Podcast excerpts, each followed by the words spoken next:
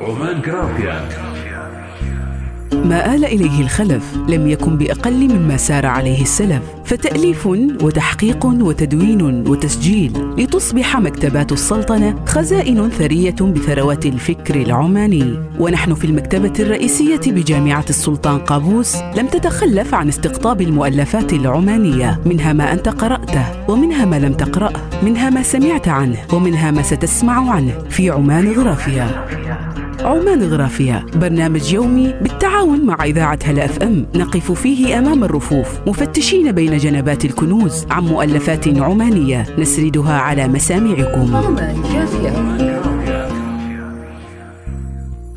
إيضاح نظم السلوك إلى حضارات ملك الملوك.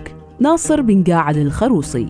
الشعر مستودع اللغة وقالب من قوالب حفظها وتعليمها وتداولها. وعامل أساسي في تنمية فصاحة اللسان.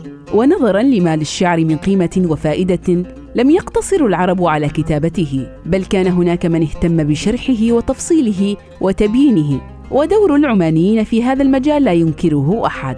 كتاب إيضاح نظم السلوك إلى حضارات ملك الملوك لناصر بن قاعد الخروصي. هو واحد من المؤلفات العمانية التي عني بها المتصوفون وهو شرح لقصيدتي ابن الفارض الميمية والتائية. ولا يخفى على الباحثين أن موضوع هاتين القصيدتين هو التصوف.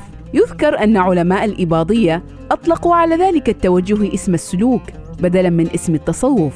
ولذلك فإن الشعر الذي تكون فيه نزعة صوفية يسمونه شعر السلوك حيث يتهذب العبد ويتطهر من الخلق الذميم ويتوب عن هوى نفسه. وشهواتها وصولا إلى الاستقامة في طريق الحق بمجاهدة النفس والطاعة لخالقها. وقد قسم هذا الكتاب إلى ثلاثة أجزاء وهي الأول في تخليص النفس والروح على مراتب الكمال والثاني في كمال النبي صلى الله عليه وسلم والثالث في مقامات الحقيقة. ولد مؤلف الكتاب الشيخ ناصر بن قاعد في منطقة العليا بوادي بني خروص سنة 1192 وتوفي سنة 1264 للهجرة في بيت علم وفقه وتدريس. فقد كان والده أحد أكبر علماء سلطنة عمان. فاشتغل المؤلف بالعلم ونال مكانة ومنزلة سامية.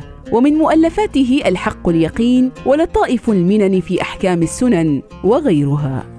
عمان جرافيا عمان غرافيا برنامج يومي بالتعاون مع إذاعة هلا أف أم. نقف فيه أمام الرفوف مفتشين بين جنبات الكنوز عن مؤلفات عمانية. نسردها على مسامعكم. عمان كافية